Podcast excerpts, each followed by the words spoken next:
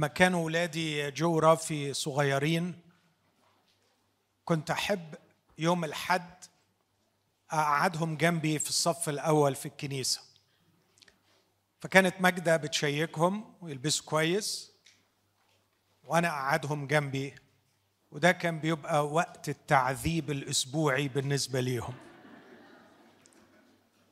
وأفتكر كويس قوي إنه كان أكتر حاجة بيشاركوا بيها إن هم محرومين يكونوا زي بقية العيال اللي أهاليهم جايبه لهم شيبسي وبيلعبوا بره فكانوا دايما شاعرين إنهم محرومين من امتياز رائع ياكلوا شيبسي ويلعبوا بره وأنا مصر إن هم يبقوا قاعدين في الصف الأول في الكنيسة لابسين متأنتكين متكتفين وكانت ماجدة بتجيب لهم لبس مخصوص ليوم الحد لغاية دلوقتي بيكرهوه. ف قفشت نفسي. عندي مشاعر الولاد دول في السن الكبير إنه لما بعيش اسمعوني يا أحبائي في النقطة اللي جاية دي لما بعيش وبصر إني أكون طول الوقت في محضر الله. في محضر الله. عندي حتة حسد للولاد اللي بيلعبوا بره. خايف يكون سايبني شيء. عارفين الفومو؟ سامع اكياس الشيبسي وسامع ضحكات العيال برا وبقول ما أنا لو خرجت من محضر الله ما يمكن أستمتع زي بقية الناس. وأنا أعتقد إنه هيبقى عندنا الإحساس ده بيلازمنا باستمرار. إذا خرجت من المؤتمر ده وأنا مقتنع إنه القصة المسيحية مش نخلص ناس ونوديهم السماء لكن استحضار أشخاص من قصصهم إنقاذهم من العالم الحاضر الشرير واستحضارهم إلى السماء عينها من الآن. ليدخلوا إلى حضرة الله من الآن. وأنا لما أقول السماء عينها أنا مش ببالغ أنا هقرأ نصوص بتقول إنه من قبل المسيح مخلص دخل السماء من الآن. هقرأ النص ده. فأنت تعيش في السماء وتعيش حالة الإنقاذ من الشيبسي ولعب العيال برا. اسمع النص ده في غلطية واحد. يسوع الذي بذل نفسه لأجلنا. اسمع. لينقذنا من مش من الخطية؟ مش من الجحيم؟ لينقذنا من العالم الحاضر الشرير حسب إرادة الله وأبينا. أبونا فتح بابه ودخلنا بيته وعايز يقعدنا على ميدته ويفتح لنا قلبه ويشاركنا في شركة عميقة ويلبسنا الخاتم نطلع نختم ونتصرف on behalf of him. حاملين حضوره وفاعلين مشيئته في العالم. فإحنا هنخرج للعالم بس مش عشان ناكل شيبسي ونلعب مع العيال. لكن هنخرج للعالم to execute مشيئة الله في العالم. إحنا الايجنتس اللي هنخرج للعالم بنقعد جوه ناكل في العجل المسمن بس بنطلع للعالم لابسين الحلة الأولى. الحلة الأولى هي حلة الآب. لابسين بدلة أبونا to represent him في العالم. ده نوع الحياة اللي إحنا مدعوين إليه. وهيفضل دايما عندنا الصراع لألا الناس يكونوا مستمتعين بشيء إحنا مش مستمتعين به لألا يكونوا مبسوطين نوع من الانبساط إحنا مش مجربينه. أتمنى إنه الكلام اللي اتقال خلال المؤتمر يقنعنا إن ندوس على المشاعر دي ونبطل حكاية إشباع الرغبات السريعة ونبدأ نستقبل الهوية بتاعتنا إنه أنا كيان مصلي أنا ابن لأبي أنا شخص موجود في السماء عينها لأحمل حضور أبي وأتمم مشيئته في العالم. إذا عشت بالهوية دي مع الوقت أنت هتختبر حاجتين. هتختبر إنك بتتغير بشكل رهيب. وإن أنت لوحدك مع نفسك أنت مختلف. وكيانك اختلف. وهتلاقي روحك فعلا بدون مبالغة الكيان الذي يتنفس الله. الكيان اللي ما يعرفش يعيش من غيره الكيان اللي بيفرح الكيان اللي لمجرد ما يتذكر اسمه يبتسم لأنه بياخد شهيق بيفرح بعلاقته بابوه السماوي. لكن كمان شيء أخطر وأعظم إنك هتبدأ تشوف إنه ال execution of God's will خارج الحضرة الإلهية. لما طلعت بره للعالم لما طلعت للعالم البائس إتمامك لمشيئة الله في العالم البائس بيجلب لك نوع من اللذة والمتعة اللي ما يسويهاش كيس الشيبسي ولعب العيال وتنطيطهم أنت تغير في الواقع. انت بتصنع في التاريخ. انت بتشتغل في اثمن شيء في نفوس الناس. اغلى حاجة على الله في العالم هي الناس. ويا بختك لو ربنا استخدمك. فاكرين النص اللي حطيته عن بنو لاوي؟ يحملون تابوت الرب. يحملوا الحضور الإلهي. تابوت الرب قاعد على التابوت. ويباركون باسمه الشعب. فتحمل الحضور وتبارك الناس. وتخيل ان كل اللي تقابله يتبارك وتصنع تغييرا في حياة الناس. أعرف ناس أنفقوا أعمارهم واستشهدوا ماتوا من أجل إجراء تغيير معين في شيء لكنه لم يدوم.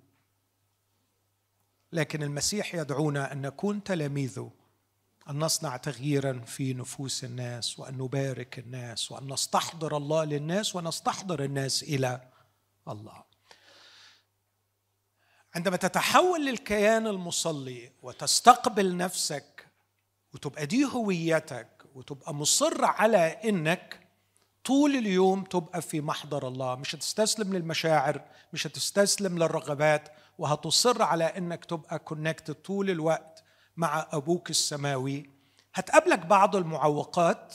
هحاول إن أنا يعني أشير إليها باختصار وهقدم بعض المشجعات اللي تخليني أحتفظ بنفسي في محضر الله طول الوقت. بس خدوا بالكم لما أقول أحتفظ بنفسي في محضر الله طول الوقت أحتفظ بنفسي داخلا طول الوقت الحالة الوحيدة اللي مش هقدر أعمل فيها كده لو أنا اتبنكت. هدخل أعمل عملية واتحطيت على ترابيزة العمليات. مش هقدر أحتفظ بنفسي في محضر الله. ليه؟ إيه اللي راح مني في الحالة دي؟ الوعي. الوعي. فإذا قلت أنا أريد أن أحتفظ بنفسي في محضر الله طول اليوم أنا أتكلم عن الوعي. وعيك. وعيك هو أثمن ما تملك. والكلام اللي قاله ماركو امبارح ومعظم المحاضرات بتقول إنه أكثر نقطة بتهاجم في عصرنا الحديث هي الوعي وسلاح الهجوم عليها هو التشتيت. فإحنا طول الوقت مضغوطين من كل جانب من أجل سرقة وعينا. الوعي المسروق الوعي المسلوب. إزاي بقى تقدر تاخد وعيك ده وتلملمه وتحتفظ بوعيك؟ شابك شابك في عرش الله شابك في محضر الله. طول الوقت طول الوقت. وحتى لو حصل ديستراكشن مؤقت بسرعة برجع وأحصر وعي تاني. أنا ابنك أنت أبويا أنا في حضرتك. فأول حاجة محتاجة إنقاذ الوعي من التشتيت الحاجة الثانية الإيمان. والإيمان في أبسط يعني نتائجه. إذا كنت فعلا حصلت على عطية الإيمان وأنت مربوط بالله بالإيمان فأبسط الأشياء الإيمان هو الثقة بما يرجى والإيقان بأمور لا ترى. فيجب أن الذي يأتي إلى الله يؤمن بأنه موجود وأنه يجازي. أنا هنا أمام الله. اسمع العبارة دي اللي قالها إلي. حي هو الرب الذي أنا واقف أمامه. لا معنى لكلمة واقف أمامه إذا ما كانش عندي يقين أنه هو حي. أنا مش بتكلم مع الهوى. أنا مش بناقش عقيدة. أنا مش بمارس يوجا. أنا أقف أمام إله حي. حي هو الرب. عيناه تراني. حكمته تفحصني. ليس كلمة في لساني يا رب إلا وأنت قد عرفتها. عرفت جلوسي وقيامي. مسلكي ومربضي ذريت وكل طرقي عرفت أين أذهب من روحك؟ من وجهك أين أختفي؟ إن نزلت إلى أعماق الهاوية فأنت هناك. إذا أخذت جناحي الصبح وصعدت إلى السماء يدك تمسكني. أنت تحيط بي. الله حاضر يا إخوتي. الله موجود. الله محيط بنا. الله شخص حي يرانا ويسمعنا. لو تذكرنا هذه الحقيقة هنخجل من ثلاث أرباع الكلام اللي إحنا بنقوله. هنخجل من ثلاث أرباع المشاعر اللي بنتركها ترعى وتبرطع جوه قلوبنا وجوه أفكارنا. هنخجل من ثلاث أرباع الأفكار اللي بن انترتينت ونسيبها تعشعش. الله حي. ويجب أن الذي يأتي إلى الله يؤمن أنه موجود وأنه يجازي. والنقطة دي الثالثه المهم. النقطة دي مهمه الوعي. أشبك فيه. الإيمان أثق إنه حي يسمع ويرى. النقطة الثالثة يجازي. إخوتي الله يتداخل في هذه الحياة. الله يتداخل. إذا ما كانش عندك إيمان إنه بيتداخل.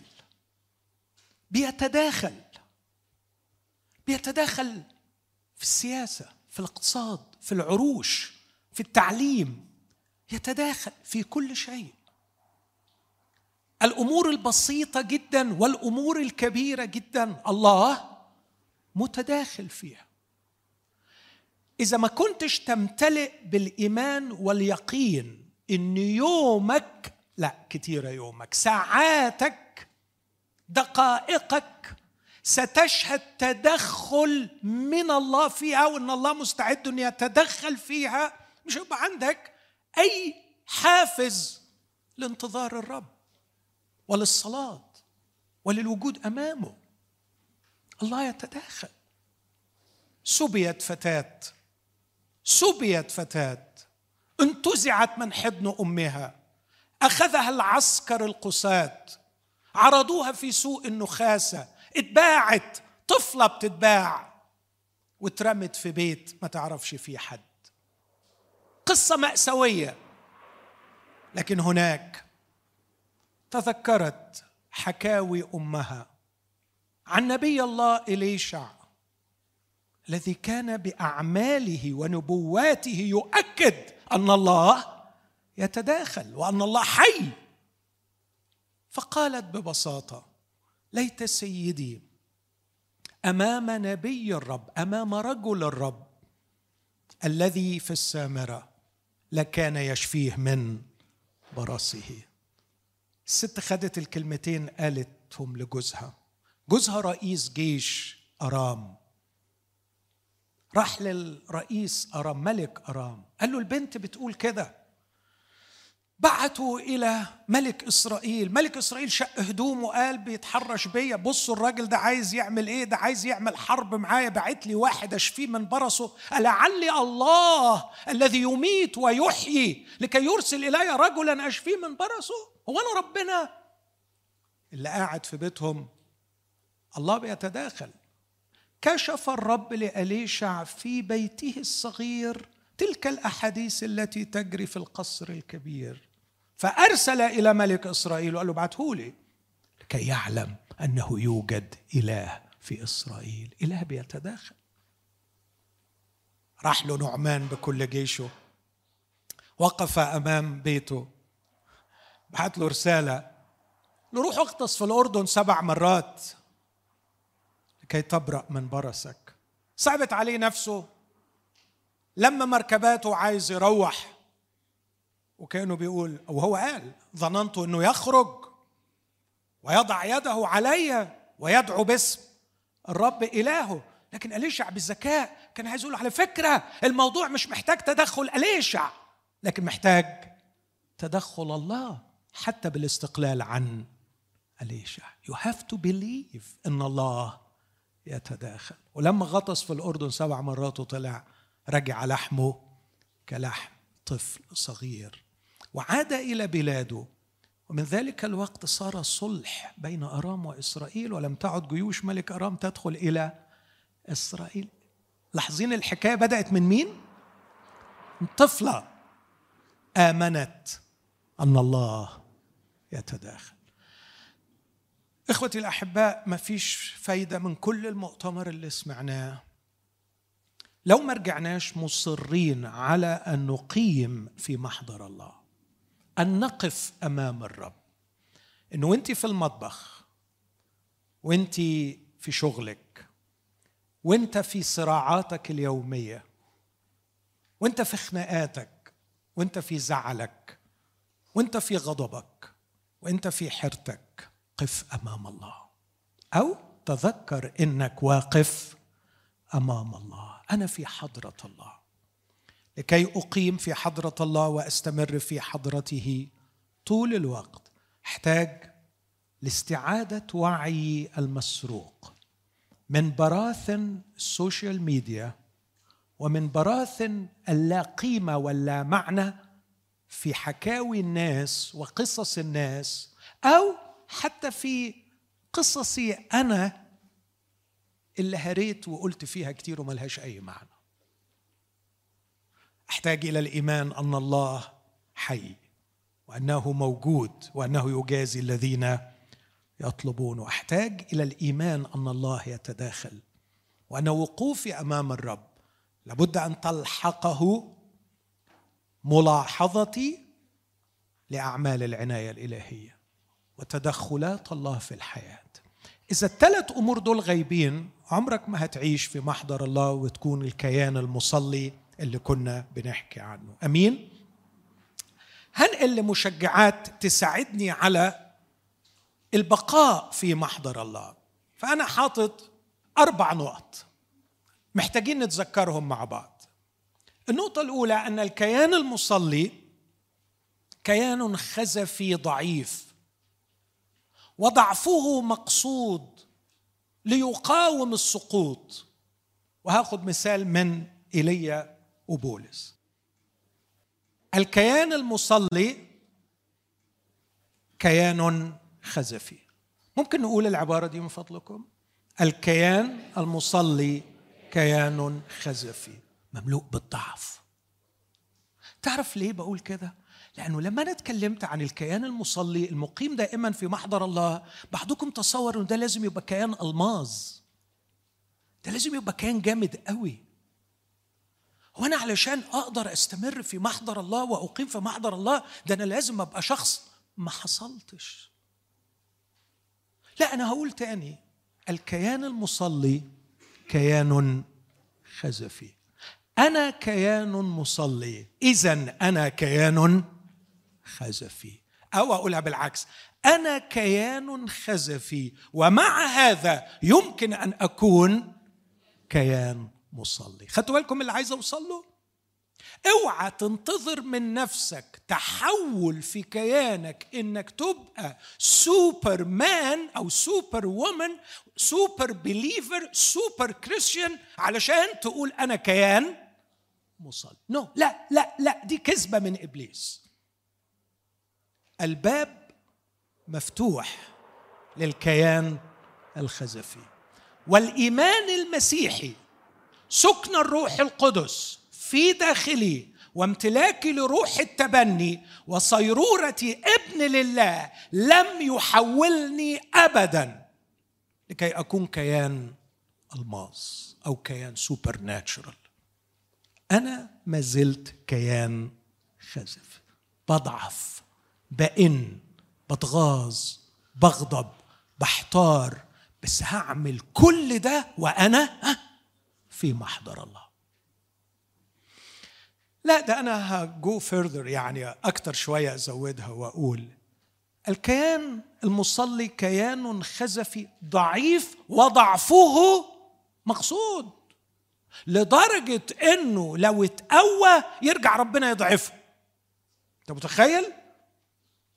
تخيل. ليه بقى؟ لأنه دي الجرعة المنشطة للحياة الروحية ضد سم السقوط. ضد الاستقلال عن الله. تعرف أول ما ربنا بينفخ في نفسك أو ينفخ في وشك ويدي لك حتة قوة زيادة أول حاجة هتعملها إيه؟ هتستقل عنه. ده هيباركك بعطايا روحية. بس تعرف أول ما تمتلك العطايا الروحية وتخليك كده مستخدم من الله وربنا كده بيستخدمك أول حاجة هتعملها. هتستقل عن الله. أوه. لو أقول لك على الناس اللي شفتهم في حياتي الذين استخدمهم الله استخدام حقيقي وعظيم. وانتهوا في غياهب النسيان وضاعوا تماما لأنه بعد ما استخدمهم الله ظنوا أنهم امتلكوا شيء في كيانهم. فthey can do it by themselves. Now مع الخبرة ومع تكرار استخدام ربنا ليا I can do it. هعملها. اللي منهم مخلص وغالي على قلب ربنا كان لازم ربنا يلحقه بشرخ سريع في إناء الخزفي لكي يعيدوا إلى حالة الضعف والانكسار. فيستمر في محضر الله. مش اتكلم عن دي كتير عشان ما تخوفكمش. لكن نفسي أقول لكل بنت من بناتي الصغيرين والشباب الصغير لما تشوف خزفية انائك أوعى ده يعطلك عن إنك تقول أنا ابن وأنا في محضر الله. مرات بعبط اول ما الاقي وحشتي وغلطي وعبطي وضعفاتي. أنا خرجت من محضر الله. أنا ما ينفعش أبقى في محضر الله.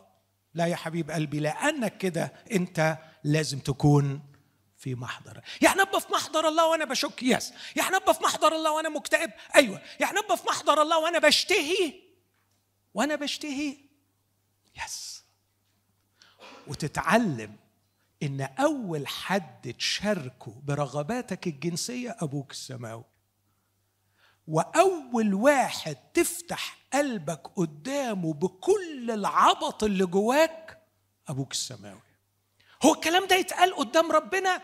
ده ما يتقالش إلا قدام ربنا. وهو ده المكان الوحيد الصحيح اللي تطلع فيه كل خزفية الإناء. اسمعوا النص اللي أنا يعني ما قلتوش لكن بعتمد على إنكم عارفينه.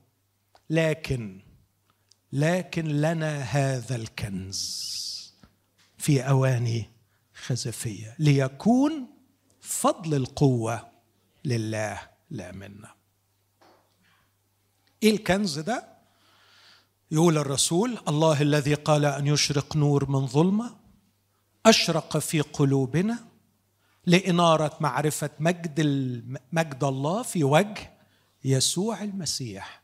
لكن وإحنا في حالة الاستنارة وإحنا في حالة الإنارة الاستنارة شيء داخلي دي الإشراقة. الإنارة إحنا بننور للعالم. وإحنا مستمتعين بالاستنارة وبالإنارة. لنا هذا الكنز في أواني خزفية. ليكون فضل القوة لله وليس منا. الكيان المصلي الكيان المقيم في حضرة الله إلي اللي بيقول حي هو الرب الذي أنا واقف أمامه هو كيان خزفي إنسان. فاكرين يعقوب بيقول إيه؟ تحت الآلام مثلنا. He has like passions. عنده كل أنواع الميول والاحتياجات والرغبات والضعفات زينا بالظبط. أليس يا إخوتي من العجيب والمجيد إنه لما يدينا في العهد الجديد مثال لشخص مصلي يجيب لنا الراجل ده ويقول إنه كان إنسانا تحت الألام مثلنا. ايليا كان راجل ضعيف ايليا كان راجل غلبان. إزاي؟ ده ايليا ده ايليا جبار. الكتاب بيقول غير كده. بيقولوا إنه كان إنسان تحت الألام. أمال مين اللي جبار؟ إله ايليا مش ايليا آه يا شباب مين اللي جبار؟ إله ايليا أنا نفسي أقول للفريق والخدام ولكل حد بيخدم ربنا إحنا لا نملك شيء ليكون فضل القوة لله. إذا في حاجة عدلة اتعملت إن هو عمل. طب وإحنا؟ إحنا بس دخلنا المحضر وقلنا له استخدمنا. هنطلع من محضره؟ هنعك. وما نعرفش نعمل حاجة. وترجع ريما لعادتها القديمة ويرجع الواحد فينا يبقى ضعيف ويتصرف بالجسد ويتصرف بالط... بمن يكون هو. وليس بالله الحاضر فيه إيليا إنسان تحت الآلام مثلنا ضعيف لكنه كيان مصلي لدرجة أنه نقدر نقول عنه أنه كان صلاة. فكان صلاة يصلي وهو إنسان تحت الآلام مثلنا. وهذا الضعف في الإناء سيستمر وهو ضعف مقصود ليقاوم السقوط. النقطة الثانية أن الله أهلنا للصلاة. ما أقصدش للصلاة كفعل لكن لكي نكون كيان مصلي من خلال دم الكفارة من خلال المحرقة الدائمة هوضح دي بعد شوية ومن خلال التبرير وده تأهيل قضائي. يعني لما تقول أنا إزاي وأنا بالوحاشة دي أقف قدام ربنا عايز أقول لك على فكرة السؤال ده سؤال قانوني صح؟ يعني از ليجل هل هو شرعي؟ هل هو من حقي؟ إن أنا أقف قدام ربنا. عايز أقول لك الموضوع ده كلف ربنا كتير علشان حضرتك تقف قدام الله بالعدل. إحنا سمعنا كتير عن النعمة بس أنا عايز أضيف لك حتة وأقول لك وقفتك قدام الله وقفة قانونية وبقيت من حقك. اسمع النص ده يقول ليكون الله بارا. يبرر من هو من الإيمان بيسوع. كلمة رهيبة قوي. مش بيقول ليكون الله منعما يبرر من هو من الإيمان بيسوع لكن بيقول ليكون الله برا. يعني عشان ربنا يبقى عادل ومتسق مع نفسه مش قادر أقولها لكن قانونيا وبالعدل لازم يبررك لأنك احتميت في يسوع. فاكرين لما بيقول إن اعترفنا بخطايانا؟ هو منعم ورحيم حتى يغفر لنا خطايانا ويطهرنا من كل إثم. صح النص كده؟ لا. أمين وعادل. أمين تجاه نفسه وعادل تجاه ابنه.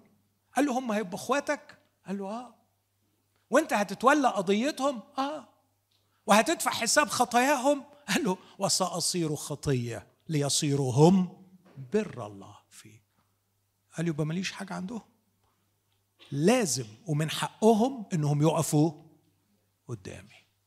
فأنت حقك الشرعي القانوني بسبب عمل المسيح من أجلك.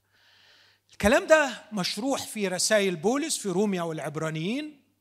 لكن مشروح في لغة الرموز في سفر اللويين وفي سفر الخروج بشكل بديع ولا سيما في قضية يوم الكفارة وفي قضية المحرقة الدائمة. إن شاء الله يكون عندي وقت أشير إليهم في نهاية المحاضرة دي.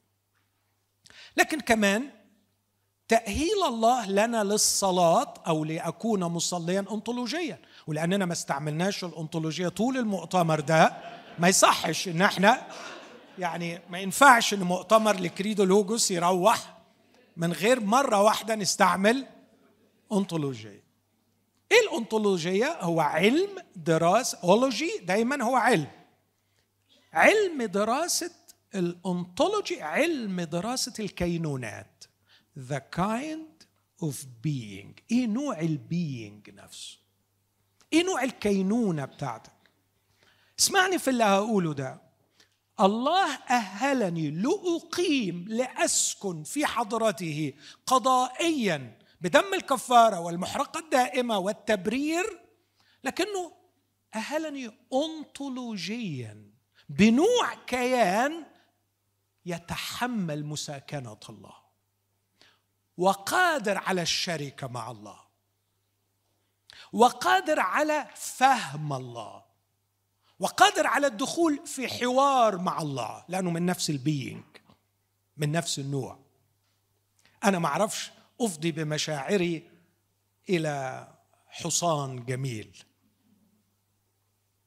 آه طبعا في بعض الناس كلابها عزيزة عليها فبيتكلموا معاه وهم مقتنعين إن كلابهم بتفهمهم. طبعا بيضحكوا على روحهم ولا كلابهم فهماهم ولا حاجة بس هم بيتوهموا هذا لأن هو ده الصديق الوحيد اللي باقي لي. لكن الكلب كلب والإنسان إنسان. مهما أوهمت نفسك إن كلبك بيفهمك هو على فكرة مش بيفهمك. الله مش بيدخل pets السماء. مش بيقتني بعض الحيوانات الأليفة في السماء يطبطب عليها ويقول لهم حبايبي يا جمال هوكلكم وأشربكم وأقعدكم على عروش وأمسككم قيثارات وأريحكم من غلب الدنيا pets في السماء. no no. الله جايب أولاد. شركاء. يفتح لهم قلبه ويقول لهم أسراره والغريب إن هو مطمئن إن هم هيفهموه. هيفهموه. اسمع النص في عبرانيين وهو آت بأبناء كثيرين إلى المجد. لاقى به أن يكمل رئيس خلاصهم بالألام. لو كان جايب شوية بيتس كان ممكن ذبيحة تكفي. الذبايح كانت تطهر الأشياء المادية. لكن كي يأتي بأبناء كان لازم هو يصير جسدا. وكان لابد أنه يزرع بالموت كحبة الحنطة لكي تأتي بثمر من نفس النوع. فالله أهلنا لو أنت فاهم وضعك كمسيحي الله أهلك مش بس قضائيا لكن الله أهلك انطولوجيا بنوع كيان يمكنك من مساكنة الله والشركة مع الله. من خلال الولادة بالروح وسكن الروح.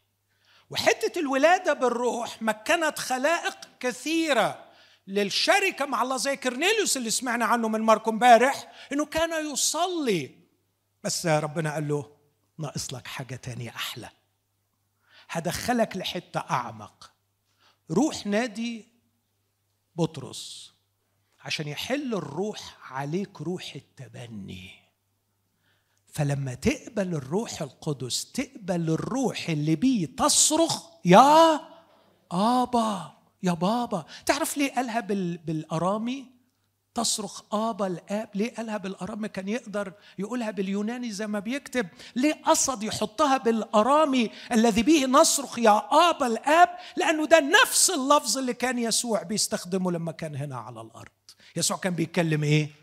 أرامي. فكان لما يرفع قلبه لأبيه السماوي يقول له آبا آبا. وكأنه بيقول لك أنت بقيت في نفس موقف يسوع. لدرجة أن الرسول يوحنا بيقول آية لأن الكمة في الترجمة العربية مش محطوطة في مكانها الصحيح بنقراها غلط. لكن القراءة الصحيحة بتاعتها لأنه كما هو عن يسوع كما هو في هذا العالم هكذا نحن أيضا. على قد ما يسوع بجلاله وجماله أمام الآب إحنا في هذا العالم زيه. عشان كده لنا ثقة في يوم الدين. ما عندناش خوف في يوم الدين. إحنا من دلوقتي قدام الله في نفس مقام ومكان يسوع. كما يسوع على العرش أمام الآب ما فيهوش عيب. بكل الكمال والجمال وأنا موجود في هذا العالم أنا زيه. فالآب يراني كما يرى يسوع. لأنك واخد نفس نوع حياته ويسكن فيك روح ابنه.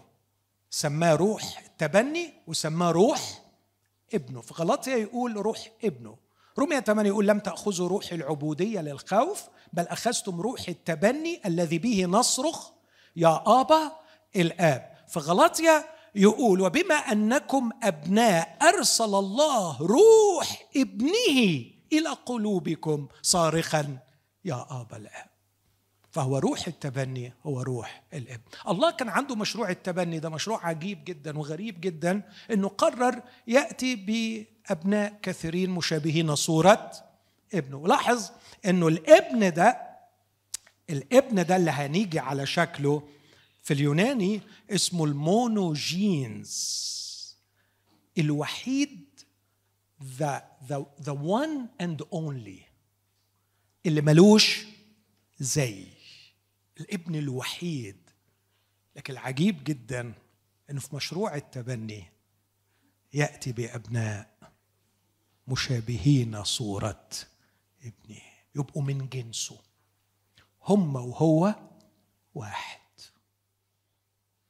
اسمعني. هم وهو واحد. هو وأبيه واحد في الجوهر. وهو وإحنا واحد في نوع الإنسانية اللي صرنا فيها. وعشان كده قال له أريد أن الذين أعطيتني يكونوا واحد. نوع وحدانية لا ينفصل زي بالظبط كما إني أنا وأنت أيها الآب. واحد. لو أنا وحدتي معاك انفصلت يبقى وحدتي معاهم تنفصل. إيه الوحدة هنا؟ وحدانية الجنس والنوع. وحدانية في النوع من نفس النوع لدرجة أن الرسول يقول إحنا لحم وعظامه أتمنى أن الروح القدس ينور ويدي لك الإنسايت بهذه الحقائق. علشان تعرف إنك قضائيا ليك الحق تقف بقلب جامد قدام الله رغم العبط والعك والمشاعر والضعفات تقف وتقول أنا كيان مصلي أنا في محضر الله أنا ما طلعتش بره محضر الله علشان غلطت أنا وأنا في محضر الله. على فكرة كونك أدركت إنك غلطت ده معناه إنك في محضر الله. لأن لو أنت في الضلمة مش هتحس خالص إنك غلط. أنا لما بلاقي حد عاكك بقى الدنيا ومش دريان أهو ده ساعتها اللي أقول إنه خارج محضر الله. لكن مش بس قضائيا أنت انطولوجيا وأتمنى إنها تكون اتفهمت. بولادة الروح ولادة الروح small s وسكن الروح capital S ولادة الروح اللي اتكلمت عنها في أول يوم لما قلت إن الكيان المصلي بتتولد جواه الروح. المولود من الروح هو روح والروح دي بتتنفس الله وبتعيش على الله وبتحيا بالله زي ما النفس بتتنفس الأكسجين الروح بتتنفس الله. والنفس تتنفس الأكسجين لكي تحيي الجسد. الروح دي بتتنفس الله لكي تنمو لغاية ما تلبس الجسم السماوي وساعتها هي اللي هتحيي الجسم الجديد فيبقى جسما روحانيا. لكن النقطة الرابعة تأهيل الله لنا للصلاة عمليا بقى في فترة وجودنا على الأرض. في فترة وجودنا في الجسم الآدمي النفساني الحيواني اللي فيه معرضين للديستراكشن وللضعف وللخطأ. الله بيقدم لنا برضو المعونة بتاعته لكي نبقى في محضر الله من خلال شفاعة المسيح وشفاعة الروح القدس. كلمة شفاعة تعني بتيجي كلمتين في اليوناني لكن الكلمة الشائعة اللي قيلت عن يسوع وقيلت عن الروح القدس استدعاء شخص إلى جواري بسبب ضعفي. فأنا تترجم أحيانا محامي لأني أنا مش عارف أتكلم قدام القاضي. أنا مش عارف أدافع عن نفسي. فأنا محتاج أدفوكت محتاج محامي محتاج زي ما شفنا شفاعة الروح القدس. أنا مش عارف أصلي. أنا ضعيف للدرجة أني مش عارف أصلي. ال παράκλητος ودي الكلمة اليوناني سيشفع. فيسوع παράκλητος اسمعوا النص ده في يوحنا الأولى اثنين وعدد واحد. يا أولادي أكتب إليكم أن لا تخطئوا. وإن أخطأ أحد يطلع بره محضر الله؟ لا. فلنا شفيع. عند الآب. بص الجمال بتاع الكلمة. لنا باراكليتوس مش عند الله. لم يتغير موقف الله بسبب خطأنا ليتحول من آب إلى الله. هو لم يزل. بابا أنا غلطت. لكن هو لسه بابا. قبل ما أغلط هو بابا وبعد ما غلطت هو بابا. لأن شفيع عندي علاقتي بأبويا. مش هتتغير عشان أنا غلطت. واخد بعضي واطلع بره البيت واحس ان أنا ما ينفعش ولا اصلح ولا ينفع ان أنا استمر. no no no تستمر في محضر الله لأنك لسه ابن. انت غلطان بس الله لسه أبوك. لكن كمل كمان الروعة بتاعت النص ده. إن أخطأ أحد فلنا شفيع عند الآب يسوع المسيح الرحيم. صح كده؟ لا يسوع المسيح البار. البار. البعض للأسف بيتصور شفاعة المسيح تصور وثني رديء. إن الآب قلبه جامد بس الحمد لله عندنا يسوع الحنين اللي يحنن قلب أبونا علينا. مش كده؟ الصورة الهزلية دي موجودة. يعني إيه يسوع شفعنا؟ يعني إيه؟ أه؟ حنن قلب أبونا علينا. لا. رب يسوع يقول اسمعوا يوحنا 16 لست أقول إني أسأل الآب من أجلكم. خلاص نسف مفهوم الشفاعة بالمفهوم الغبي. لست أقول إني أسأل الآب من أجلكم لأنه مفهوم الشفاعة يسوع بيشفع لي يعني يعمل إيه؟ يسأل الآب بالنيابة عني لأنه أنا وحش بس يسوع حلو يسوع حنين فبيشفع علي. الآب ما بيشفعش علي لما بغلط بيمسك العصاية. لكن الحمد لله إن يسوع هيتوسط بيني كلام فارغ ملهوش أي أساس في العهد الجديد. يسوع بيقول لست أقول إني أسأل الآب من أجلكم لأن الآب نفسه يحبكم. هو بيحبكم. أنا مش مطلوب مني حنن قلبه عليكم. عيب إن أنا أقول أحنن قلب أب على أولاده ده يبقى أب مش أب. ده ما يبقاش أب. ده ده يسوع واخدنا منه هدية. تصوروا بيكلم الأب في فرح يقول له كانوا لك وأعطيتهم لي. يا متشكر يا بابا. أنت اديتني أحلى هدية. سمعنا امبارح تعليق من حسام إنه إحنا نبقى آيات وعجائب. أنا ما أعرفش أنت كنت قاصد يا حسام ولا بتتمنى. يعني تمنيت وقاصد. خلوني أفكركم بنص الرسول وهو بيتكلم في رسالة العبرانيين أصحاح اثنين. يقول من ثم كان ينبغي أن يشبه اخوته في كل شيء. يعني بيتكلم عن يسوع باعتبارنا إخواته. وبعدين يقول بيجيب كذا اقتباس من العهد القديم زي مثلا مزمور 22 يقول لأنه مكتوب أخبر باسمك اخواتي. فيسوع بيقول عننا إن إحنا إخوات. لكن راح جايب كمان نص من سفر إشعياء أصحاح 8 يقول أنا لأنه مكتوب أنا والأولاد الذين أعطانيهم الله. وهنا بيطبقوا على مين؟ على يسوع. بيقول إن النص اللي جه في اشعيا ده زي ما في اشعيا سبعة قال العذراء تحبل وتلد ابنا في اشعيا ثمانية نص يتنبأ عن المشروع الإلهي إن يسوع بيقول ها أنا والأولاد الذين أعطانيهم الله. لما ترجع للنص ده كملته في اشعيا ثمانية آيات وعجائب في بني إسرائيل. فالآب من البداية هيدي الابن عطايا كل واحد فيهم آية وأعجوبة. ويسوع فخور بيهم وبيقول أنا والأولاد الذين أعطانيهم الله آيات وعجائب دول الآية ودول الأعجوبة. وصل الرسالة أحبائي مش عايز أخد وقت أكتر من كده. إن أنا أدوس جامد على إنك تعرف who are you أنت مين؟ أنت مين قضائيا أمام الله؟ وأنت مين انطولوجيا أمام الله؟ وأنت مين مدعوم بإيه عمليا علشان تفضل في محضر الله؟ شفاعة المسيح وشفاعة الروح القدس. أنتوا شايفين الثلاثه دول؟ الثلاثه الأخرانيين؟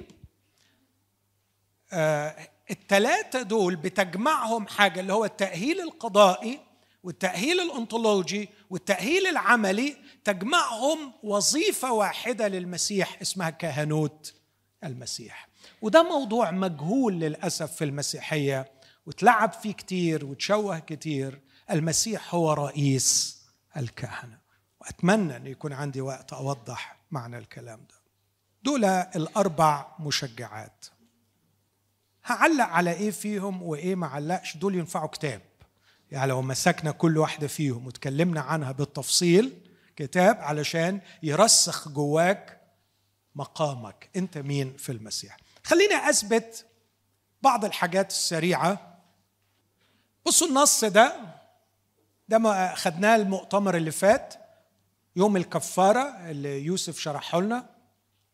يقول ثم يذبح هارون رئيس الكهنه أنا مجرد قراءة هقرا يذبح تيس الخطية الذي للشعب ويدخل بدمه إلى داخل الحجاب. ويفعل بدمه كما فعل بدم الثور. ينضحه على الغطاء وقدام الغطاء. الغطاء ده غطاء التابوت اللي ربنا جالس عليه بين الكروبيم. الله في العهد القديم اسمه الله الجالس بين الكروبيم. فهو جالس على غطاء التابوت والغطاء ده اسمه كرسي الرحمة اللي الله بيلتقي من خلاله مع موسى ومع شعبه. فالله ساكن في هذا المكان. سكن الله في هذا المكان على الغطاء تحتم إن الغطا يبقى مرشوش بالدم. دم التيس بتاع الخطية اللي بيتذبح في يوم الكفار وده مرة في السنة. فما ينفعش اسمعوني في اللي هقوله ده ما ينفعش الله مستمر في السكنة مع شعبه لو ما فيش دم مرشوش. هنا تيجي التمييز بين يوم الفصح ويوم الكفاره يوم الفصح فيه سفك دم يوم الكفارة فيه سفك دم يوم الفصح فيه سفك دم عشان نعبر من مصر إلى كنعان عشان نخرج من العبودية إلى الحرية. دي مرة. فالدم يسفك مرة وأي فصح يعمل بعد كده تذكار لل يتعامل. لكن اسمعني الكفارة دم مرشوش مش على القائمتين والعتبة العليا للنجاة من المهلك لكن دم مرشوش على الغطاء ليستمر الله ساكنا. بين شعبه. كأنه بيقول له يا موسى أنا هسكن وسط شعب نجس بيخطئوا وأنا مش بتجاهل أخطائهم. كأنه ربنا بيقول لي ماهر أوعى تفكر أنا عيني مش شايفة الأخطاء اللي بتتعمل بس أنا أعددت العدة بإني رشيت الدم. مين اللي رش الدم؟ يسوع. مش مرة كل سنة لكن مرة وإلى الأبد. عارفين لما هنروح السماء؟ سنرى هذا الدم مرشوش. دخل بدم نفسه إلى الأقداس فوجد فداء أبديا. لأنه لم يدخل إلى أقداس مصنوعة بيد الاشباه الحقيقية بل إلى السماء عينها ليظهر الآن أمام وجه الله لأجلنا. فالدم مرشوش في حضرة الله ليشرعن ليجعل وضعنا شرعي في الوقوف أمام الله. فالدم مرشوش. لما تلاقي روحك أخطائك وعبطك اسأل نفسك سؤال هو الدم مرشوش ولا مش مرشوش؟ طالما الدم مرشوش على الغطاء لي حق الدخول. الله لم يرفض شعبه لأن الدم مرشوش. والتيس اسمه تيس الخطية. وهنا تعبير جميل لما يقول في كورنثوس الثانية خمسة آخر عدد جعل الذي لم يعرف خطية خطية لأجلنا لنصير نحن بر الله. أخذ مالنا وأعطانا ماله. صار ما نحن فيه لنكون ما هو فيه. أنتوا متخيلين اللي أنا بقوله ده؟ مصدقينه طيب؟ هقوله تاني. صار مش هقول أخذ مالنا هقول صار ما نحن عليه. إحنا إيه؟ خطية. وهو صار خطية. لكي نصير ما هو عليه. طب هو إيه؟ هو بر. ونصير نحن بر الله. فالله لما يشوفك بيشوف الخطية ولا البر؟ شوف البر. أنت بر الله في المسيح. أنت جمال الله في المسيح. أنت اتساق الله في المسيح. خلي الفكر ده يتغلغل عميقا جواك عشان لما يجي إبليس يشاور على ثيابك القذرة زي ما عمل مع يهوشع الكاهن العظيم. فاكرين المشهد ده؟ رأيت يهوشع الكاهن العظيم واقف أمام الله لابسا ثيابا قذرة والشيطان واقف عن يمينه لكي يقاومه ويقول له أنت ما تنفعش تقف قدام الله. فاكرين الرب رد عليه وقال له إيه؟ لينتهرك الرب يا شيطان. أليس هذا شعلة منتشلة من النار؟ مرات لما بتشعر أن ثيابك اتسخت بيجي لك إبليس يقول لك هو, ده حد هو ده شكل واحد يقف قدام الله؟ اختيشي يا أخي. مالك أنت ومال الأمور المسيحية بقى والحكاية الكبيرة دي؟ أنت روح مع اكياس الشيبسي. والعب مع العيال بره وادخل بقى على المواقع العك. وعيش بقى بس انت مش بتاع الدنيا دي. انت روح اتبسط. انت لا هيبقى هنا ولا هنا. على الأقل هناك. صدقت شكاية إبليس. بولس في رومية 8 يقول من سيشتكي على مختارية؟ الله هو الذي يبرر. فمن هو الذي يدين؟ وكأنه بيقول له اختشي يا عديم الذوق. انت بتشكك في اختيار الله. الله هو الذي يبرر. من هو الذي يدين؟ إذا كانت أعلى سلطة قضائية في الكون بررتني فمن هو الذي يستذنبني؟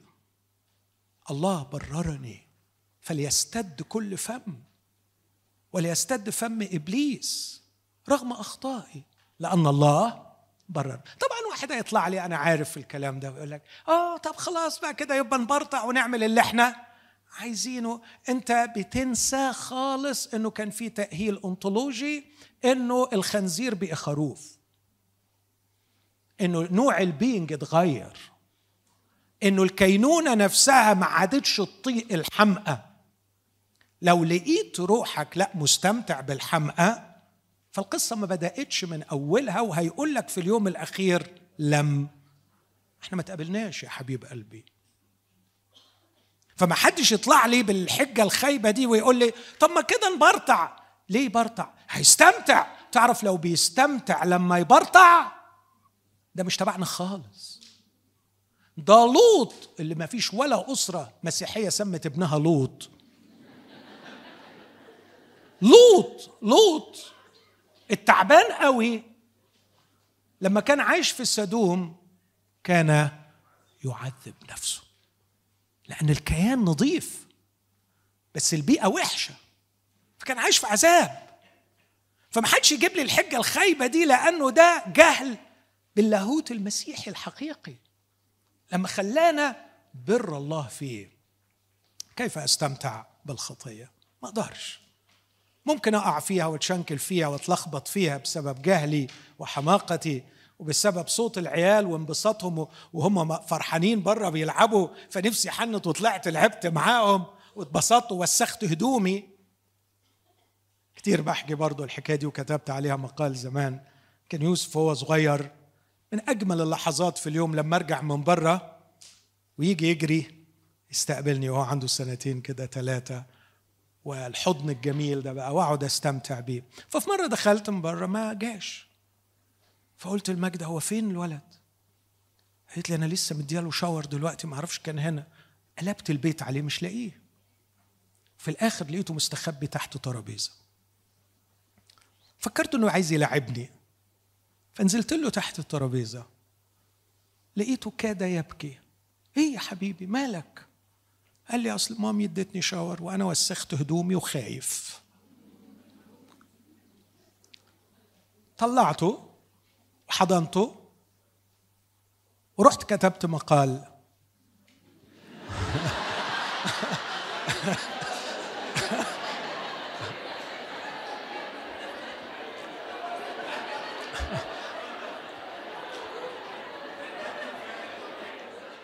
اديته المجدة طبعا تنظفه. لكن المقال اللي كتبته عندما أتسخ أين أنظف نفسي؟ فقلت للرب ساعتها مرات كتيرة بوسخ روحي بس بنسى إنه ما عنديش مكان أتنظف فيه إلا قدامك. أنا توسخت بس الاختباء تحت الطاولة عشان اللغة العربية الاختباء تحت الترابيزة ما هوش علاج وسخه الهدوم. لما هدومك تتوسخ ما تستخباش. لكن روح لأبوك وقول له أنا توسخت وما عنديش حتة تاني. تعرف يا رب بجد بجد أنا مكسوف منك.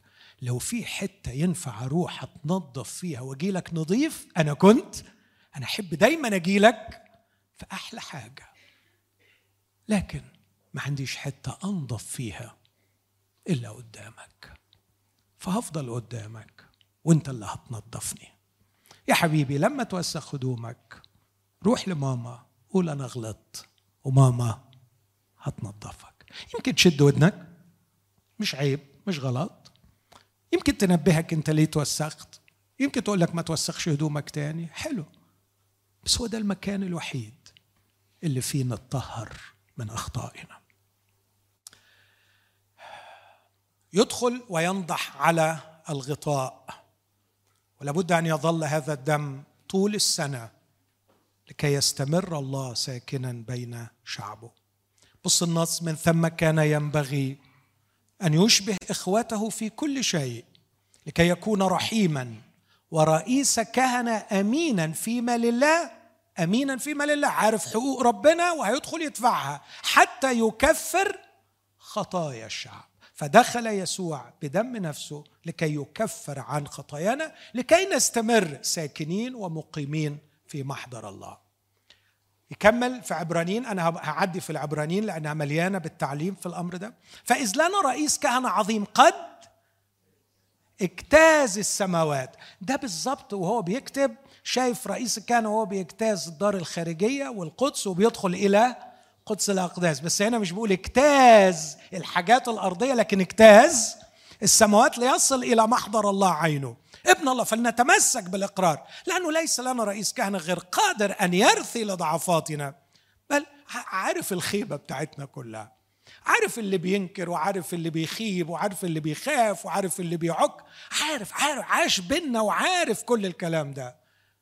ويقدر أن يعين المجربين. وبناء عليه فلنتقدم بثقة إلى عرش النعمة لكي ننال رحمة ونجد نعمة عونا في حينه عبرانيين ستة. فلذلك إذ أراد الله أن يظهر أكثر كثيرا لورثة الموعد اللي هم إحنا عدم تغير قضائه توسط بقسم. القسم هنا اللي ينطبق علينا لما أقسم أنت كاهن إلى الأبد على رتبة ملك القسم ده لمين؟ ليسوع. يسوع هو اللي خد القسم ده صار كاهنا بقسم. إيه لازمته لينا ده؟ هنشوف. ده ليه انعكاسه علينا. توسط بقسم حتى بأمرين عديم التغير. وعد الله وقسم الله. الوعد على فكرة غالبا بيكون مشروط. يعني في if ذن في لو هيحصل. لكن القسم عمره ما يكون مش خلاص هو أقسم. فإحنا عندنا وعد وعندنا قسم من جهة المسيح مش من جهتنا من جهة المسيح. بس إحنا تبعه عيلته. إحنا ما هو ممثلنا ما هو رأس لنا رئيس كهنة. ما هو الكاهن ده بتاعنا إحنا. والكاهن ده أقيم من الله بقسم والله مش هيرجع في كلامه. فبيقول لما عندنا هذا الكلام تكون لنا تعزية قوية. نحن الذين التجأنا لنمسك بالرجاء الموضوع أمامنا. إنك تفضل في محضر الله وعارف إن أبوك مبتسم في وجهك ومش هيحول وجهه عنك ده رجائك الوحيد في يسوع المسيح. يا يسوع أنت مت لأجلي وأنت أوجدت لي مكان في علاقة مع أبي السماوي والمكان ده مش هيتغير ابدا لأنك أحببتني من قبل إنشاء العالم. زي ما أحببت يسوع يا أبي. فأنا واقف هنا. الذي هو لنا كمرساة للنفس. مؤتمنة. سيف. ثابتة. تدخل اقرأ معايا النص ده. تدخل إلى مداخل الحجاب. إيه داخل الحجاب؟ الأقداس. اللي مرشوش فيها الدم اللي يسوع قاعد فيها. وهوريك دلوقتي وحاطط اسمه على قلبك قدام عينين أبوك. عشان يقول له ده بتاعي وده تبعي. تدخل إلى مداخل الحجاب. حيث دخل يسوع. الكلمة دي بتأسر قلبي قوي. كسابق. الكلمة في اليوناني هي نفس الكلمة اللي قيلت عن يوحنا المعمدان وترجمت forerunner يعني يسوع كان بيدخل كأنه المعمدان بتاعنا. المعمدان لما جه كان بيقول إيه؟ يسوع جاي ورايا. يسوع لما دخل داخل الحجاب داخل يقول للآب إيه؟ ولادي ولادك جايين؟ أنا الفور رانر بتاعهم. تخيل؟ واضح انها ما فرقتش معاكم. أنا أنا زمان عيطت لما لما لما لما اكتشفتها. بقى انت المعمدان بتاعي. بقى انت داخل تهيأ لي عرش الله ومحضر الله عشان أنا آجي أقعد في الحتة دي. هو ده هو ده إلهنا. هو ده أبو يسوع المسيح. صائرا على رتبة ملك صادق رئيس كهنة إلى الأبد.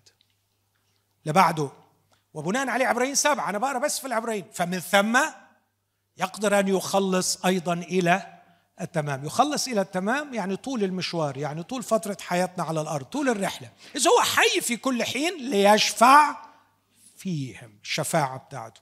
وبعدين يقول لأنه كان يليق بنا رئيس كهنة مثل هذا. حلو قوي يليق بنا دي. أنا بصراحة يعني بستغرب إنه بيقول يعني ممكن يليق بالله إنه يليق بنا. أصل إحنا حاجة كبيرة فما كانش يناسبنا كاهن أقل من كده بصراحة. أنتوا متخيلين؟ ليه كان يليق بنا؟ أصل إحنا أولاد الله. إحنا الجنس الجديد. إحنا الله أبونا. ما ينفعش ميخائيل. ما ينفعش ملاك. مش هقول لك ما ينفعش هارون. ما ينفعش ملاك ولا رئيس ملائكة. أنت بتتكلم عن أبناء الله. عيب إن الله يولي أمر ولاده لواحد من خدامينه. ما ينفعش. دول خدامين.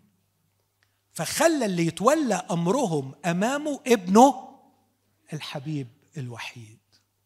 كاتب العبرانيين يقولها كان يليق بنا. رئيس كهنة مثل هذا قدوس بلا شر ولا دنس انفصل عن الخطاة صار أعلى من السماوات. انفصل عن الخطاة يعني خلص قضية الخطاة وطلع. صار أعلى من ليس له اضطرار كل يوم زي رؤساء الكهنة أن يقدم ذبائح عن خطايا نفسه وبعدين خطايا الشعب لأنه فعل هذا مرة واحدة إذ قدم نفسه. فإن الناموس يقيم أناسا بهم ضعف رؤساء كهنة وأما كلمة القسم أقسم الرب ولم يندم تقيم ابنا مكملا إلى الأبد. اللي بعديه على طول فكان يلزم أن أمثلة الأشياء التي في السماوات تطهر بهذه. إيه أمثلة الأشياء التي في السماوات؟ مين مذاكر من المؤتمر اللي فات؟ يا لخيبة أملي. أمثلة الأشياء التي في السماوات. خيبة الاجتماع. لأنه لما بناها قال له دي مثال إيه؟ اللي حصل فوق.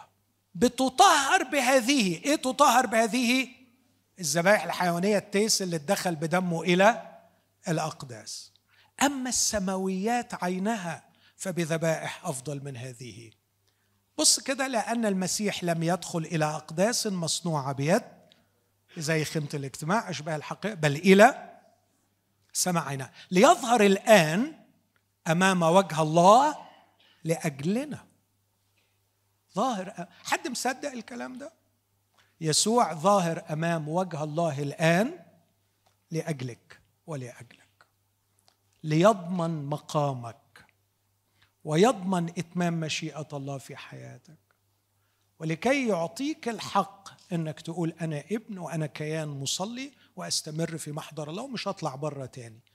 الابن لا يخرج خارج البيت. أنت ابن ويسوع يظهر أمام وجه الله لأجلك.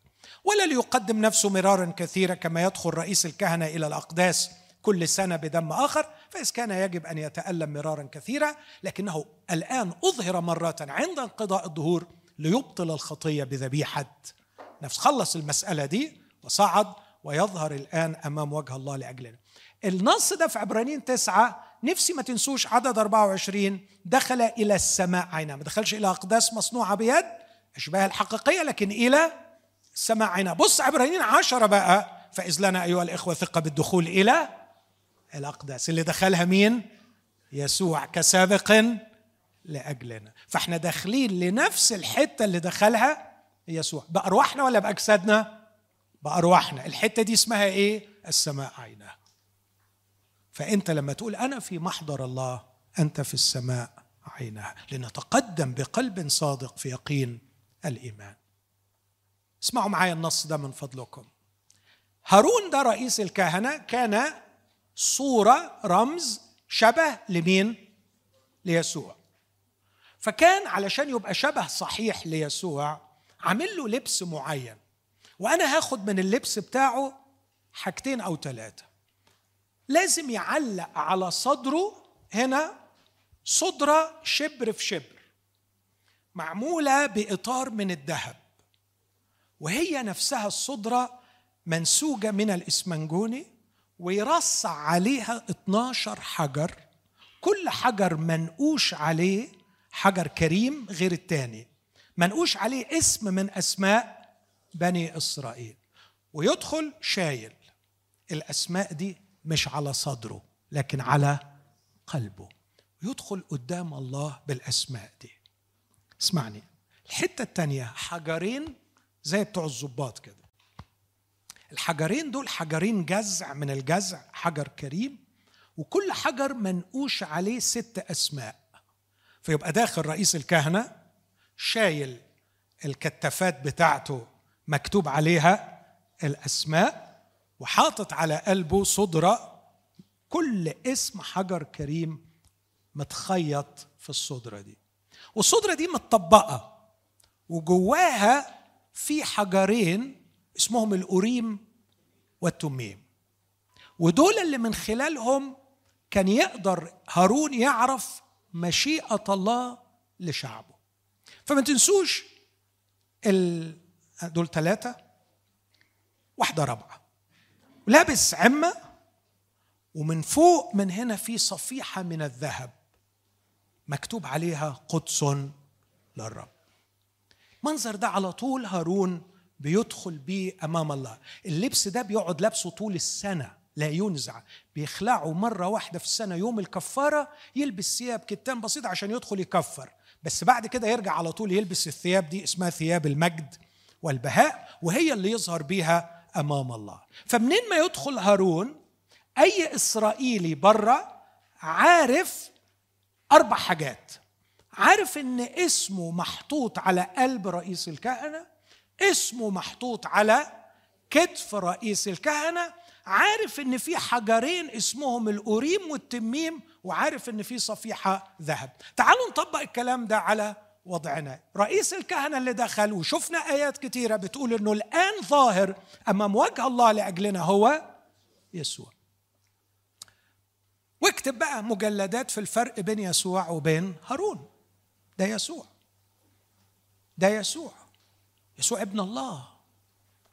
يسوع بكل كماله وجماله وروعته. خليني أقول لك يسوع بكل خايف أقولها بكل دلاله على الآب. يسوع اللي يقدر يقول له أنا مجدتك على الأرض. لو لي خاطر عندك احسبوا للولاد دول. ليا أصدقاء أحباء غاليين عليا. بيخدموا ولادي علشان خاطري. يمكن ما لهمش علاقة بالولد لكن لي علاقة بيا. تخيل لما يسوع شايل أسمائنا ويسوع ليه خاطر كبير قوي عند أبيه. وكأنه بيقول له كل خطري اللي عندك اديه لأولاد بالإضافة إن الآب نفسه بيعمل إيه؟ بيحبنا لأن إحنا ولاده لكن دي حاجة إكسترا بص بقى يقول إيه هنا؟ فيحمل هارون أسماء بني إسرائيل في صدرة القضاء على قلبه. على قلبه. وكانوا بيقولوا على قلبي زي العسل. عندنا في الصعيد مثل يقولوا وأنا قاعد على قلبك يا أخي. أنا أقدر أقول يسوع شايلني على قلبه. وفرحان إنه شايلني على قلبه. ويظهر بي أمام وجه الله. وتجعل في صدرة القضاء الأوريم والتميم. لتكون على قلب هارون عند دخوله أمام الرب. اسمع النقطة دي. فيحمل هارون قضاء بني إسرائيل على قلبه. يعني حامل حاجتين على قلبه. اسمي وإيه كمان؟ قضاء. إيه قضائي الحكم الخاص بيا من جهة أمور الحياة المختلفة.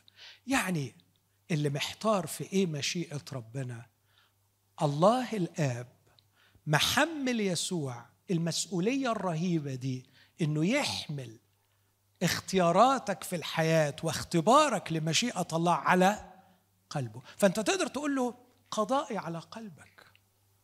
زي ما اسمي على قلبك فمقامي محفوظ. اختيار مشيئة الله ومعرفتها بحيث أعمل اختيارات صحيحة في الحياة دي مسؤوليتك يا يسوع.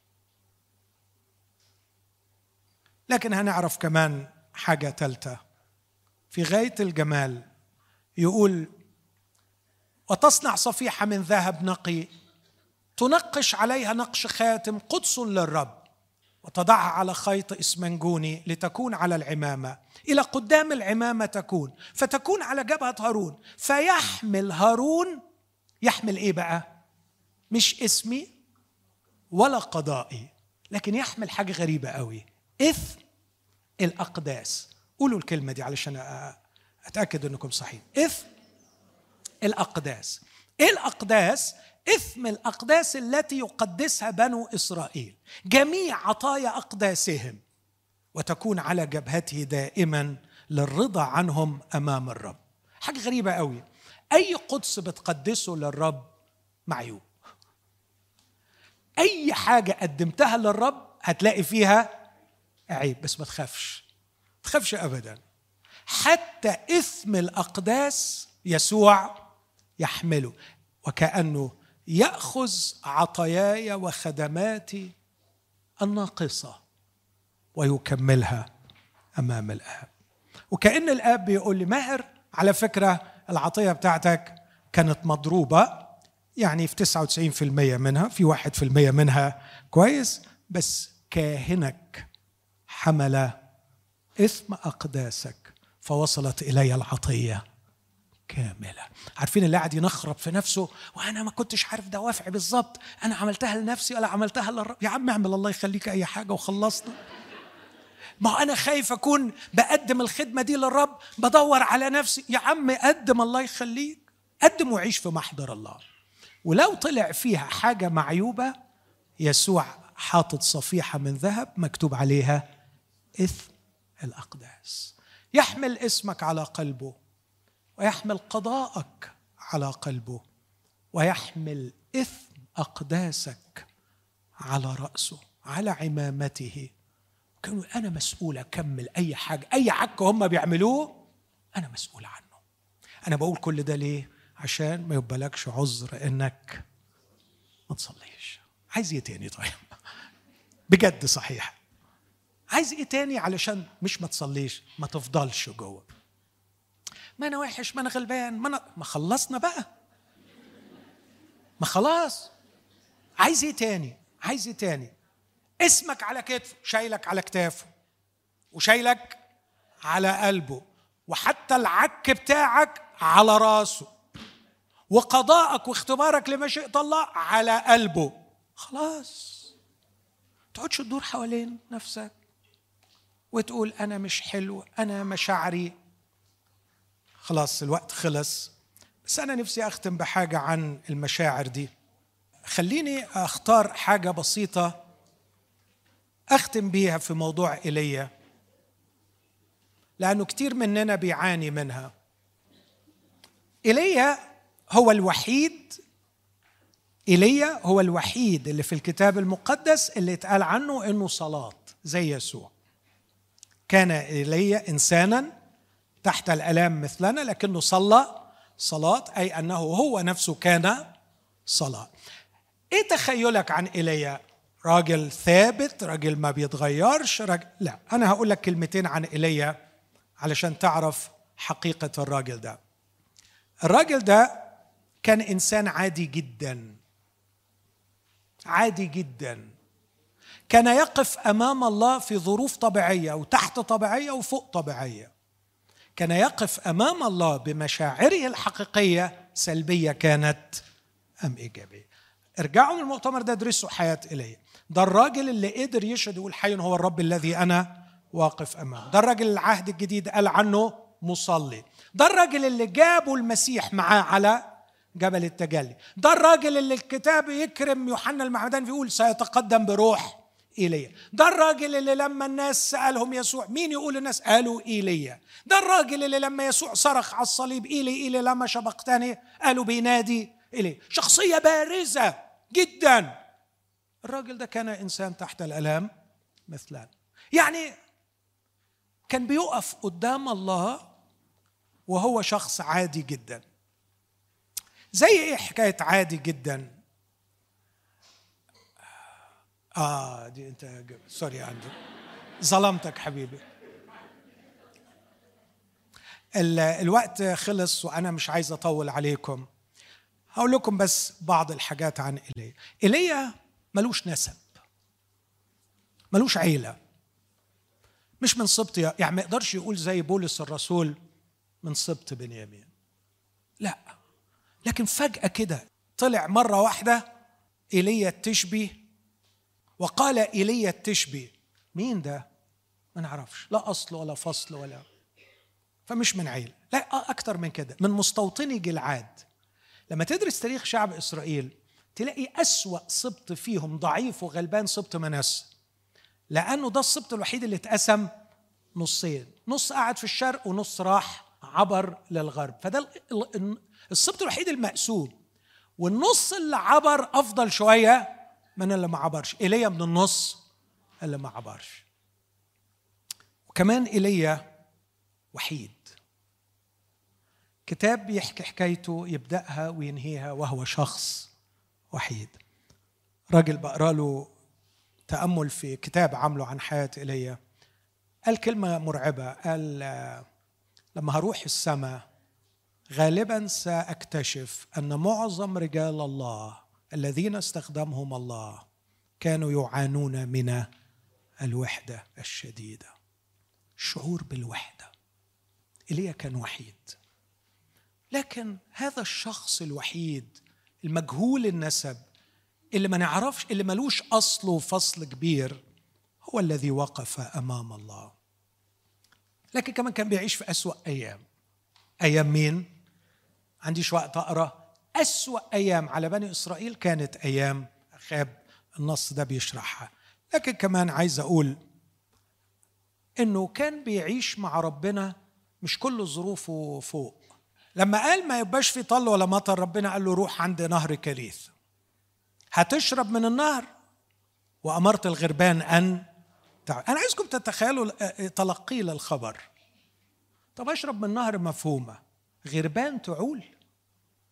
إزاي؟ الغربان بتعمل إيه؟ تخطف. حبيبي آه بس أنا بقى هخلي الغربان تعول طب ليه يا رب كده؟ علشان ما تعتمدش على المنطق. علشان تعتمد علي. ما لو قلت لك إن الحمام يعولك بسبب الكايندنس بتاع الحمام الحمام جميل فيبقى مين اللي علني؟ الحمام. أنا هخلي الغربان تعولك والغريب إنها تجيب له الحاجة اللي الغربان بتحب تخطفها الخبز واللحم عشان يبقى ثقته في الله وليس في الغربان. أنا أعتقد إنه ما عجبوش الموضوع بس لازم ينفذ لأنه هو بيحب الرب وبيطيع. فراح وأقام عند نهر كريث وكانت الغربان تأتي إليه بخبز ولحم صباحا. وأنا أعتقد إنه مع الوقت اتصاحب مع الغربان وظبط الساعة عليهم وكل شوية يستنيه. وأنا طبعا مش عارف أتخيل لحمة عاملها ربنا. يعني ستيك شوية ربنا. يعني لما جو صديقي بيشوي لنا ستيك بنتبسط بيه. بس تخيل بقى لما الستيك ده يبقى ربنا هو اللي شو. خبز ولحم صباحا و... سبحان الله. طب حتى مرة واحدة في اليوم كفاية لكن يفطر لحمة ويتعشى لحمة. لكن كمان اسمع وكان يشرب من النهر. بص هنا يا شباب امتزاج الطبيعي مع فوق الطبيعي يتلازمان في حياة المصلي. المصلي مش كل حياته أمور فوق طبيعية ولا كل حياته أمور طبيعية. مرات بنتصور إنه لما أصلي وأدخل لمحضر الله يبقى كل حاجة تبقى فوق طبيعية. لا حبيبي تشرب من النهر زي بقية الناس. ولو النهر جف هننقل هنشوف حتة تاني. طب ليه؟ ما انت فجرت ينبوع ماء لهاجر زمان. اعمل لي بير. أنا اللي أقول مش بمزاجك. إيه يعني انت ما تقدرش؟ اختشي. ما انت الغربان عماله تجيب لك خبز ولحم صباحا ومساء طب امال زنقني ليه يعني؟ امشي من هنا ما, تجي ما تطلع لي بير. اخرس خالص. اسكت خالص. أنا احدد تشرب منين وتاكل منين. فوق الطبيعي لم يفارقني يوم واحد من أيام حياتي. لكن هذا لا يعني إن كل حياتي أمور فوق طبيعيه فلما تلاقي روحك عمال تصلي علشان حاجة فوق طبيعية وما بتحصلش اختشي وما تقولش ليه. لأنه الحقيقة في نفس اليوم هتلاقي روحك وصلت لليوم اللي أنت فيه بسبب سلسلة طويلة من أشياء فوق طبيعيه بس أنت اعتبرتها مع الوقت إنها أشياء عادية. جف النهر فقال له قوم. طب أروح فين؟ اسمع.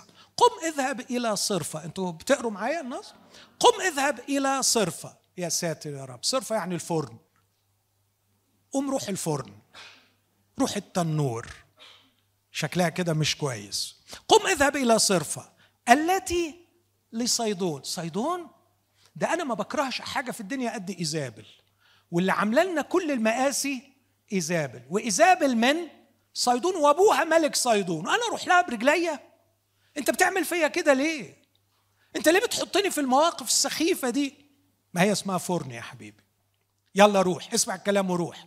طب أنا راجل مصلي وواقف أمام الرب. عشان أنت مصلي واقف أمام الرب هتروح في المواقف دي. الشخص اللي بيقف أمام الله ليس معفيا من الفرن. وكل واحد فيكم لو راجع حياته هيلاقي روحه دخل فرن. اوعى وانت في الفرن تشك انك خرجت من محضر الله. ايليا كان واقف أمام الرب وهو في الفرن. طيب يمكن أروح بقى في الصيدون دي حتة مخبأ كويس كده. وهوذا هناك أمرت هناك أرملة أن تعول. لا ده دي قلة قيمة بقى. كده دخلنا في قلة القيمة. فكرت إنك هتعمل لي غربان زي أسود وهتعمل حاجة محترمة كده. لكن أنا راجل جاي من جبال جلعاد راجل جبلي وراجل شرقي. الأمور توصل بيا ان تخلي امرأة أرملة تعلني. أنت ليه بتعمل فيا كده؟ روح ايليا روح ايليا في حاجات عظيمة مش عارف أشرحها لك دلوقتي. اسمع الكلام ووطي راسك وروح ايليا حاضر يا عايز أسأل سؤال. رايح مبسوط ولا متضايق؟ لا متضايق قوي. قوي قوي. السؤال الثاني أرجوكم فكروا قبل ما تجاوبوا. خرج من محضر الله وهو متضايق؟ ابدا. ابدا. اتضايق في محضر الله. اغضب في محضر الله. تنرفز وتزربن وانت في محضر الله. راح هناك.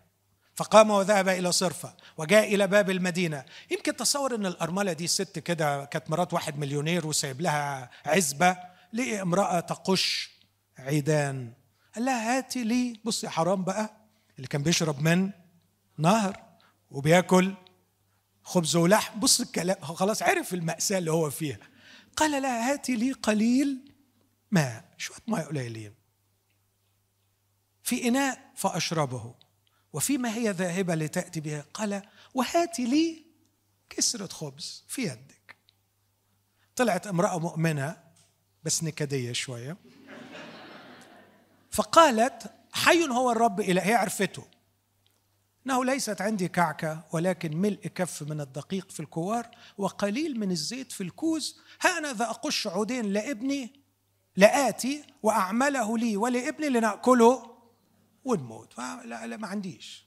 ما عنديش حاجة. انت يعني واضح انك العنوان غلط خالص. الرب إلهك بعتك لحتة غلط. رد عليها وقال لها لا تخافي. الكلام ده كلام واحد وهو متنرفز وهو غضبان وهو متلخبط مازال في محضر الله. هو نفسه الراجل اللي طلع ويقول حي هو الرب لا يكون طل ولا مطر. هو نفسه واقف في حضرة الله واقف في السماء عينها بص بيقول إيه؟ لا تخاف ادخلي واعملي كقولك ولكن اعملي لي منها كعكة صغيرة أولا. عند أخلاقه عالية برضو اعملي لي كعكة صغيرة واخرجي بها إلي ثم اعملي لك ولابنك أخيرا لأنه هكذا قال الرب إله إسرائيل. هكذا قال الرب يبقى هو واقف قدام الرب reflecting بيقول اللي الله بيقوله. كوار الدقيق لا يفرغ وكوز الزيت لا ينقص. إلى اليوم الذي فيه يعطي الرب مطرا على وجه الأرض. فذهبت وفعلت حسب قول إيليا. وأكلت هي وهو وبيتها. راحت لمت العيلة كلها. كوار الدقيق لم يفرغ كوز الزيت لم ينقص حسب قول الرب. كان إلي أمام الرب وهو في حالة من الغضب والاستياء والتعب لكن لم يفقد مكانه أمام الرب ويستطيع أن ينطق بكلام الرب. لاحظوا هنا الامتزاج الغريب بين ما هو مش طبيعي وفوق طبيعي لكن ما هو تحت طبيعي. مش عارف أسميه إيه تحت طبيعي. إنه يحطك في ظروف ما تطقش ضد طبيعتك. الراجل ده راجل جبلي وراجل تعوله امرأة أرملة. الراجل ده ما بيطقش إيزابل يروح يسكن في بيت إيزابل. أتذكر قرأت تعليق لواحد إذا أراد الله أن يستخدمك في الشرق عليه أن يدربك في الغرب. يدربك فيما هو opposite to your nature. حكاية طويلة وجميلة لكن أختم.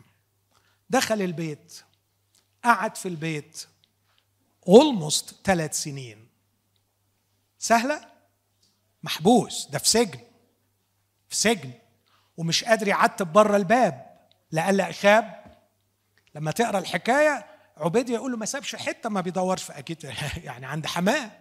كان جابك لكن في الآخر يقول الكتاب إنه مرض ابن المرأة صاحبة البيت. واشتد مرضه. راحت ل... واضح إنه قعد مدة طويلة عيان. وطول الوقت وهو عيان إيليا بيعمل إيه؟ بيصلي عشان ربنا استرها معايا ما تكسفنيش قدام الست. الست عارفة إن أنا رجلك وعارفة إن أنا ممكن أصلي وربنا ما بيسمعش. لغاية ما الولد مات. راحت اتخانقت معاه قالت له مالي ولك؟ هل جئت إلي لتذكير إثمي وإماتة ابني؟ دي بالبلدي في الصعيد يعني دخلتك عليا كانت دخلة سواد. أنت جيت علشان تموت الواد. قال لا أعطيني ابنك. أخذه من حضنها وصعد به إلى العلية أضجعه على سريره. بص اللغة دي صرخ إلى الرب وقال أيها الرب إلهي أأيضا إلى الأرملة التي أنا نازل عندها قد أسأت واخدين بالكم كان عايش طول الوقت بشعور إيه؟ إن الله أساء إليه. هي دي النقطة اللي نفسي أقف عندها. عاش طول الوقت عنده شعور إن الله أساء إليه والحكاية دي ما اتحلتش جواه بس كان لسه في محضر الله. وكان لسه بيستمتع بصلاح الله. عندي شعور إنك ظلمتني في النقطة دي. بس ده ما يعنيش إنك ما باركتنيش في 100 حاجة تاني لا لا لا مش هفكر كده. ما دام ظلمني لا ده عبط. أيوه أنت أنا أنا مظلوم في الأمر ده. بس ده ما ينفيش إنك كرمتني في 100 حاجة تانية. أمين يا شباب ممكن نحتفظ بالاثنين دول مع بعض. أهو ايليا المصلي عنده شعور عنده غصة وجع في قلبه. حتى إلى المرأة التي أنا أسأل يقول له هتفهم دلوقتي يا حبيبي هتفهم.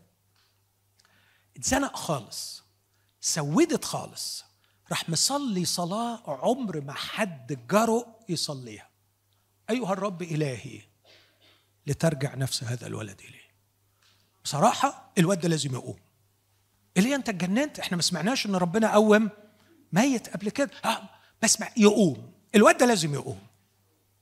وكانت النتيجة إنه آه وهنا انتهى التدريب. أنا عايزك توصل إنك تقوم ميت بالصلاة علشان هاخدك على الجبل تقوم شعب ميت. بس قبل ما تقوم شعب إسرائيل كله كان لازم تتدرب ثلاث سنين على الذل وتصل في حالة الصلاة أن تكون مصليا. تصل في حالة الصلاة أن تصرخ لإقامة الميت. فأعرف أستخدمك على جبل الكرمل. مش إنك بتحيي ولد لكن بتحيي أمة. كلنا عارفين اللي حصل على الجبل. خلونا نقف مع بعض. وإحنا بنطلب من الرب أن يعطينا هذه الحياة. حياة المصلي.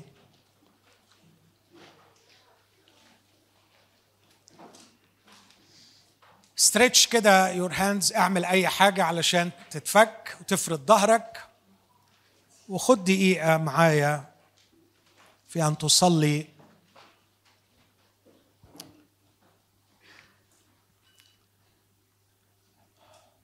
كان غرضي من الرسالة دي.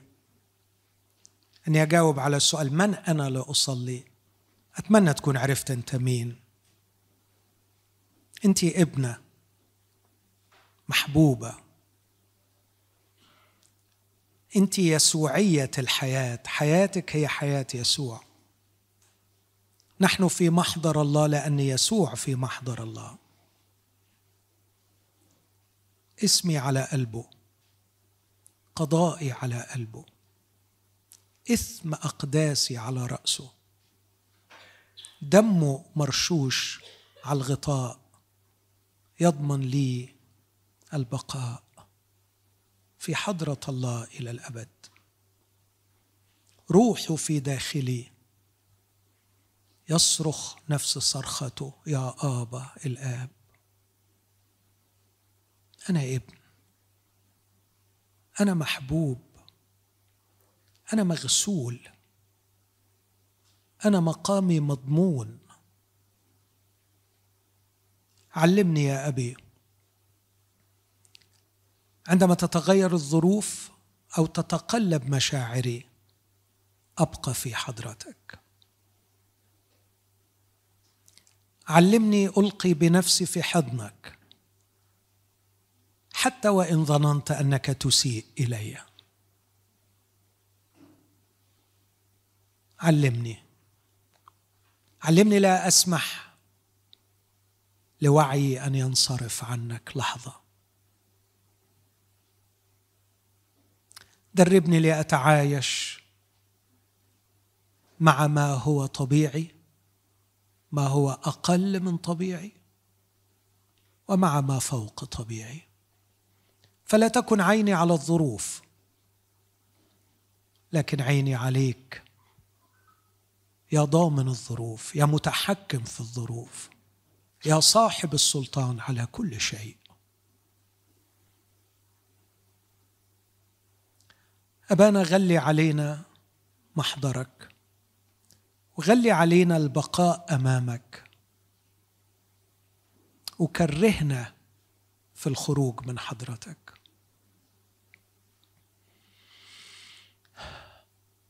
إخوتي قال أساف تمرمر قلبي في وتأدبت كل صباح. انتخست في كليتي حتى دخلت إلى مقادس الله.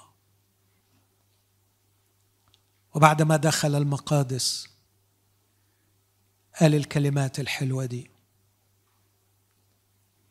أما أنا فالاقتراب إلى الله حسن لي.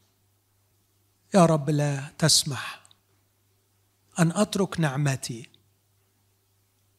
نعمة الدخول لحضرتك والبقاء أمامك وأراعي أباطيل كاذبة.